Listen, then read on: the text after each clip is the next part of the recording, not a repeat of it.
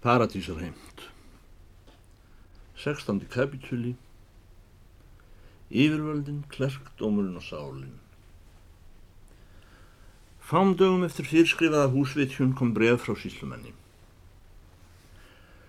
Sækir Imts sem uppi var um barnsfæðerni Stembjargar Steinarstóttur hlýðum og óskýr svör sjálfar hennar við sóknarprest sinn væri framkomin krafa um rannsókn þessa málus.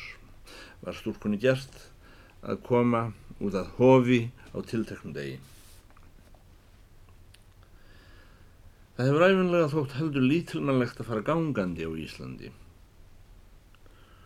Þó var nú eigi annars kostur í líðumum sinn því hestar voru aðeins miðlungsgóðir eða varla það auk þess slælega framgengnir. Fuglarnir flugur hringin í kringum stúlkuna þar sem hún gekk. Hún fór úr sokkonum, stitti sig og óð yfir kaldar bergvass sprænur. Þetta var skemmtilegt ferðalag um hávorið. Hún fann lyktina að sjó og landi í senn. En þegar hún kom út að jökulfljóti var hún að fá ferju. Með því stúlka þessi hefði gengið síðan snemma morgunin og nú fastliðið hádegi var komin svo mikil mjölk í hana að í ferjukoti sá hún sér ekki annað síðna en gera bóð fyrir húsmóðurina að finna sig út undir vegg. Konan spyr hvaðan hann að beri að og hverja manna hún sé. Síðan let hún hann að fylgja sér inn í búr. Er hann okkur tíðindi hjá ykkur nær fjöllum, spurði konan. Ekki neitt öðru nýra það í mann, sagði stúlkan, allt ósjúkt og mannhild, nefn hefur sunnið grójót úr fjallinu vetur. Nei, óknur að heyra, sagði konan. Hafa samt skeppnuhald verið þólanleg. Mikið óskup, sagði stúlkan, ekki bera á öðru. Þó heldur fátt um lömpi hlýðum í orð og hestar ekki nefnir meðalagi framgengnir annars hefði ég farið ríðandi. Svo var tíð við áttum góðan hest með leiði að nokkuð títt hjá ykkur. Ekki það ég telsaði konan, utan hér sundræðinn á sögtján út yfir í dag. Það hefur álegaðlega verið björn á leirum, sagði stúlkan og hló. Svo þú ert á leið út yfir líka, sagði konan. Æ, þeir voru eitthvað að skrifa mér, sagði stúlkanni. Ég held að sé komið á rull. Kallmenn er löngum saman við sig, sagði konan. Og nú legg ég leppin við þig. Ég held að þetta sé að verða búið í byli. Hún syndi stúlkunni hvar komið var hátt í spilkomu. Guðlaun hafði selgjert það, sagði stúlkan, og var þakklátt konni að hún skildi ekki vera forvittnast hví svo lítil stúlka væri með svo mikið í bróstónum. Síðan saði konan, ert ekki svöng og þist, má ekki setja fyrir þig einhverja hýrgun. Hafðu sælbóðið, saði stúlkan, en mér er ekkert setunar bóðið. Ó, nú hefur létt svo mikið á mér. Verður blessuð og sæl og fegi vildi ég eiga þig að. Ég kýr mér sam og allt eins, sagði konan og kisti stúlkuna í laðarpann. Gáttu beint af augum. Bóndi minn er á eirinni með ferjuna. Ósköpu túnið þitt að verða fallegt, sagði stúlkan. Bara ég stýði nú hjón og sóla í utnar. Takk að ég fyrir, sagði konan. Guði leiðið. Stúlkan gekk beint út hlaðvarpan og varðast að stýra á sólaugurnar. Þá kallað konan á eftir henni og var komin inn í bæjardir hjá sér og orðin þurr og stránglega í röttinni eins og allt önnur kona. Veit meira að segja hvað þessi stúlka heitir þó hún hefði ekki spurt þess nefnir hana með nafni. Steinbjörg Lilla segir hún og setur á Stúlkan spyrnir með fæti og lítur við. Varst að kalla á mig? Þá segir konan. Láttu kall fjandan borga. Ég held hans ég mátilegur til þess. Verði ekki aðeins að þessum lúðu lökum sem hann er að kaupa ykkur líðunar mínar. Á eirinni handan hljótsins stóð ungur maður með tvo til reyðar. Hann var að býða. Stúlkan gekk til móts við hann þegar hún var komin upp úr ferjunni. Hann hafði farið af baki og hallaði sér upp að makkanum og hesti sínum, ögn og kyrrum. Hann horfi á hvernig stúlkan bar fæturna með hann nálgæðist. Það var Jói. Hann böð góðan daginn, álengdar. Konsell blessaður, sagði hún. Nefnast þú allar mannalegur að bjóða góðan daginn, já meira sigur löngum fjaska. Hvernig lærður það bjóða svona vel góðan daginn? Það var smá kemur allt saman, sagði hann. Er þetta býðið þetta einhverju, sagði hún. Þér, sagði hann. Hvernig vissir það var mér á mér, segir hún. Ég veit á að yfirheyra þig, sagði hann. Það er búið yfirheyra mig. Þér hefur verið næður að ljá mér annan hestininn úr því við áttum samleið. Ég hef búin og farin, sagði hann. Auk þess á ég ekki fleiri reyðverð.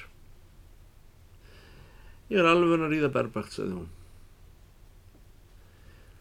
Ekki lest þú mig koma bak þeim gráa hér um árið, sagði hann. Hún horfið á hann orðlaus, þrútnaði framann og leitt niður fyrir sig. Síðan ætlaði hún að halda áfram þör sinni. Ég var að tala við þig, kallaði hann á eftir henni. Ég held við hann tala allt sem tala þurfti í vor, hann.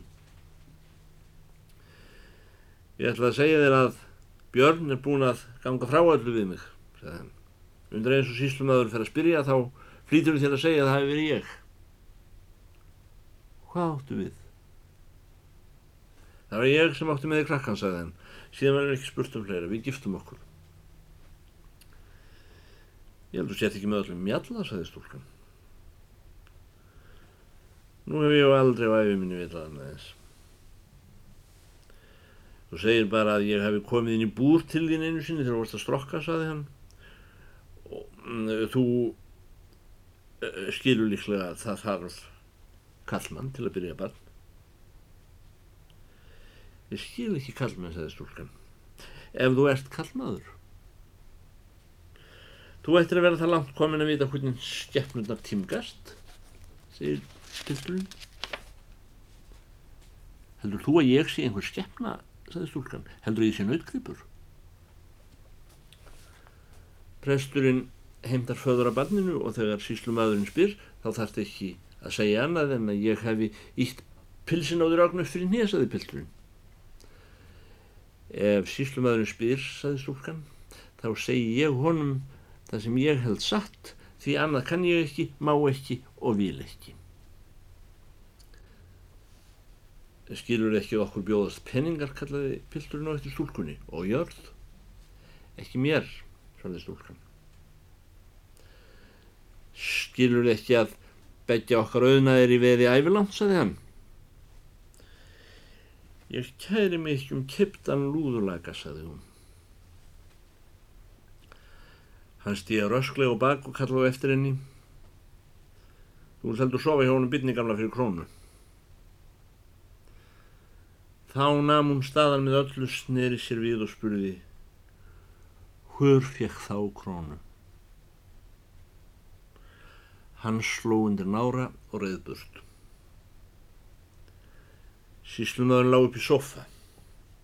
Snöggleitur var að lesa reyfara og reykjóða sér úr pípu.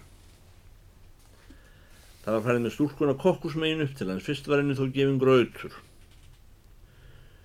Síslumöðun púað og púaði. Það var eins og hefði kviknað í hegi. Hann fór að hlægi upp úr bókinni. Lóks rak hann augun í stúlkuna. Hvað vil þú, sagði hann, og var staðin upp. Það var gett boð fyrir mig, sagði hún, vegna barns. Æ, alltaf þú auðmingja bjálfiðin, sagði síslumöðurinn og fór að skoða stúlkuna og poti hana. Skelvingar að sjá hvað ert ung, mikill bölvaður prakkarir kallinn. Svona kalla á að rýja og senda á hreppin úr því sem komið er þá er nú illskára fyrirvíkindin mín að láta púsa þig saman við strákin sem ég var að þvæla hér í morgun en hann er ekki á marga fiska. Það er enginn hvern maður ofsæl af að dragast með lausalegskrakkana spjössileirum. Segið mér, hver rækallin dregur ykkur allar upp í til galsins? Aldrei lukkast mér að ná í drillu og held ég mig þó síslakar í mannina Björn gamla ég verði að sko að gera svo vel og sofa hjá síslumarsfrúni Stúlkan kunni hér engin ráð auk þess var hann hrætt við síslumannin Heyrðu hvað ég segja, sagði síslumadurinn Ég er að segja að ef prestastjéttin fyrir að hinta hér einhvern réttarhöld sem veri alveg eftir honum sér að jóni því þetta er þvoglari þá myndu að ég er að reyna að hjálpa þér Af hverju sem ég spyr, þá hyggstar þú ekki par, en mannst það eitt. Það var strákfjandin, hvað heitir hann nú aftur, hann kom að þér út í skemmu eða var út í fjósi. Það var ekki búrinu heldur, segði stúlkan. Við þetta slumaði í síslumanninum og hann hefur upp fyrir sér svarhannur ögn hissa. Ekki búrinu heldur. Nú hvað þá? Hva, uh, hvað sem það er, hann lagði upp á kistu. Er ég einhver stefna, spurði stúlkan og let upp á síslumannin augun alveg grandalös. Eða kannski döður hlutur sem hægt er láta upp á kistu. En nú var síslumannin á búið. Langlundar geð hans var á enda, hann stappaði í gólfið. Hvaða ósvimnir þetta, sagði hann. Það er til nokkurs að hafa yfirvöld yfir svona fólki á að gera mig að einhverju veraldar undri hér sem gefur út af sér engetninga fyrir Guði og konunginu. Fólk sem hagar sér sér svona ætti skilið að afhýðast. Ég hlust ekki á mér í þvælu og þú gerir eins og ég segi þér stelpa.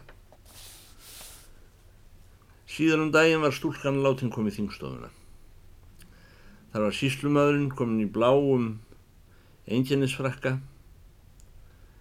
með eh, gildum hnöppum og hafði gullsnúrað kasketi. Þar var og maðurinn sem gemir bókina. Sér að Jón satt út við glugga og var að gá út fyrir tún þar sem kláratinn hans voru að býta. Engin leið þá stúlku sem þerfetaði sig inn um gættina með hjartslátt í augunum. Síslu maðurinn sagði manninum að koma með bókina. Hann kunni betur við að hafa hana fyrir fram að sig, það duttu úr henni einhver skjöl sem hann tók upp á gólfinu. Hann blístraði tónlöst. Utan garna á þess að lít upp tók hann til að muldra eitthvað í þá veru að samkvæmt skrifi frá tilgreyndum sóknarpresti af þessu þessu datósfræðis hefðu komið fram óskil svör um fæðerni að barni Steinbjörgar Steinarstóttur hlýðundur Steinarhlýðum af hálfu kjærar kvempersonu við fyrir skrifaðan já, já ég, ég er ekkert að lesa þessar rótlum ég skilst þetta sér útkljóð mál. Hér líkur Signir að skjala af hálfu Jóhanns Geirason og dröngum sem játar undir eðstilbúða hans í fæðinu sagði presturinn. Hæ? svarði síslu möðurinn snöggur upp á leið Já, ég er bara veðsvöld prestskeppna, sagði presturinn. Þess vegna hef ég vist ekki hirt þess getið að karlpersonur fái að sverja á sig börn. Aldur hvað, spyrir síslum öðrun. Að þeir fái sinjunar eið í nokkrum tilfellum, sagði presturinn. Svergið er hvað sem þér viljið góði maður, sagði síslum öðrun. Ég skal láta ná í hesta niður undir eins. Ég er nákvæmlega sama hvorum einn og ressi þér ríðið eða klaks þér klúkið. Leiti síðan formlega hann í bókinu aftur. Ég afhendiður í embættsnafni þetta plagg sem grundvöld löglegar bókunar á umrættu fæðirni. Síðan sé ég ekki ástæðu til að einni neitt, sé ég ónáðaður með frekar orðaskrapjum þetta málefni hér í síslu. Nú eru þarna í þinghúsinu. Þetta var einn þeirra sjálfgefu þagna sem einna helst minna á þagnirnar í njálu. Flugurnar voru dotnar á rúðunni og hann í gluggakistuna. Uns einhvers konar hum í spurnartóni lætist út á prestinu. Þessu hugi var beint til stúlkunnar. Ég veit að ekki, svarði stúlkan. Hvað við þér ekki, spurði síslmaðurinn. Stúlkan svarar að lokum og sípur hveljur. Ég veit ekki hvernig börn verða til. Menn litu hverjar á aðra og verðu hvumsa við. Loks stakk prestur upp sér tópastölu. Þetta mál er ekki að dagskrása þessi íslumöður. Við erum ekki hér komin að rannsaka náttúrusögu. Þetta sérstakka barn er sannlega í heiminn borið og hefur verið þaðrað. Það er allt og sumt. Já, hm, sagði prestur. Ha, heyrði ég rétt að þú nefndir annan mann daginn fyrir lífni. Málinu lokiða minni hálfu, sagði síslumöðun. Ég skal láta ná í hestamiðar. Presturinn held áfram að júða. Mætti ég rétt aðeins spurja áður við líðum á stað. Stúlka mín, pilturinn sem er skrifað undir að tarna plakkið með leifi, hvernig fjall hann þér í knið? Aldrei, sagði stúlkan. Já, það var akkurat, sagði presturinn. Þá kannski mætti byggja yfirvaldið að lofa herstónum að býta tugg í viðbúð má veikja aðtil yfirvaldsins á því að stúlkan viðurkennir ekki þennan undirskriftar mann sem basfóður sinn. Það er ekki vonsaði síslumöðurinn, hún skilur þetta ekki. Hún skilur yfir ekki. Þér eru þá fornistur. Ég skilur ekki heldur sem betur fer. Það er tilgangslöst að koma á stað yllu hér með spurningum á gullaldarmáli. Þá spurði presturinn Og hvenar svefstu hjá þessu piltkorni úr dröngum kindinu mín? Aldrei, segði Súlfur. Aftur á múti ögn hjá honum byrni, trú ég. Ég sagði honum sér að jóna á dögunum allt eins og var, sagði Stúlkan. Með leifi, sagði presturinn, yfirvöldin bót að því að börn séu rétt feðruð. Mér skýt sama, sagði síslumöðurinn. Það var engin kvartað sinjar yfirvaldið fyrir nöðsinn sálusorgunar á Íslandi, spyr presturinn. Ég sé ekki að það skipti trúarblöðin máli hvernig fólk makar sig, sagði síslumöðurinn. Hvað var það Jésús um það hvernig spendirinn axlast? En prestatjættin hefur viðtanlega sinni smekk fyrir sig. Guðfræðin má mín vegna setja sálinna niður í axlunarfærunum og mannfólkinu. Og eh, vítalöst af yfirvaldsins hálfu þó barn sé sama sem gert að umskiptingi frá burði. Svo þessi einstaklingur fá aldrei þaðan af sannað húr hann sé. Og ekki orðavert þó slíkt aðtæfi sér fræmið upp í og geðið á pressmyndinni sem þó er einsettur að starfa undir samvisku og landslugum það var komin spilamannsviðbrú síslumannin. Hvers krefist þér að mér? spurði hann. Ég býða þetta mitt vesalt safnaðarbarn með ná lögum og sannmæli sér til handa og barni sínu, sagði presturinn. Ég býðum að mig að gefa skýrlu fyrir rétti. Sækið réttarvittin út í pælu, sagði síslumöðurinn við skrifa. Hann og bætir við það er ekki nöðsynlegt að þeir þói sér. Þar komu inn tveir leglendingar síslumans löggiltir til þessa starfs. Gegnir menn, stiltir, vel gáfulegi til augnanna en enginn þurfti að geta sér til um hvað þeir höfðu starfað. Þeir lögðu frá sér torfli áina við dyrnar Nú var settur réttur að beðinni soknarpressins undir steinaltíðin. Hann gerði grein fyrir kæru sinni sem hann hvaðast hafa vonað að afgreða mætti utan réttar en með því Rök hans og málsemdir höfðu verið tortrið og spottuð af háum personum utan réttar sá hann sér ekki aðra leið færa til að leiða sannleikljós. Síslumar sló í borði með hamri og skipaði klerkinum haldið sér við efnið. Lóksir klerkur hefði reyfað málið var stúlkan yfirherið. Hún sagðist aldrei hafa dreyið dölur á það að hún hefði lagst fyrir hjá bitn á leirum. En þegar lagðar voru fyrir hana frekari spurningar innverðulega skildi stúlkan eigi með öllu hvað er voru að fara. Henni voru kurtesis orð sem notuður fyrir rétti um samfari kals og konu jafn ókunn og almenn orðatiltæki um sama efni. Hún þekkti ekki utan orð og gjörði dýrlinga og engla. Byrjum barna í móðurkviði hafi aldrei verið útskýð fyrir henni utan Marju Meijar. Hún hefði eigi en heldur verið nær er hleypt var til fjár og þá er hún var þess spurð hversu hún hygði slíki hlutir gerðust svaraði hún þessum helgum orðum einn Guðar, almáttúr.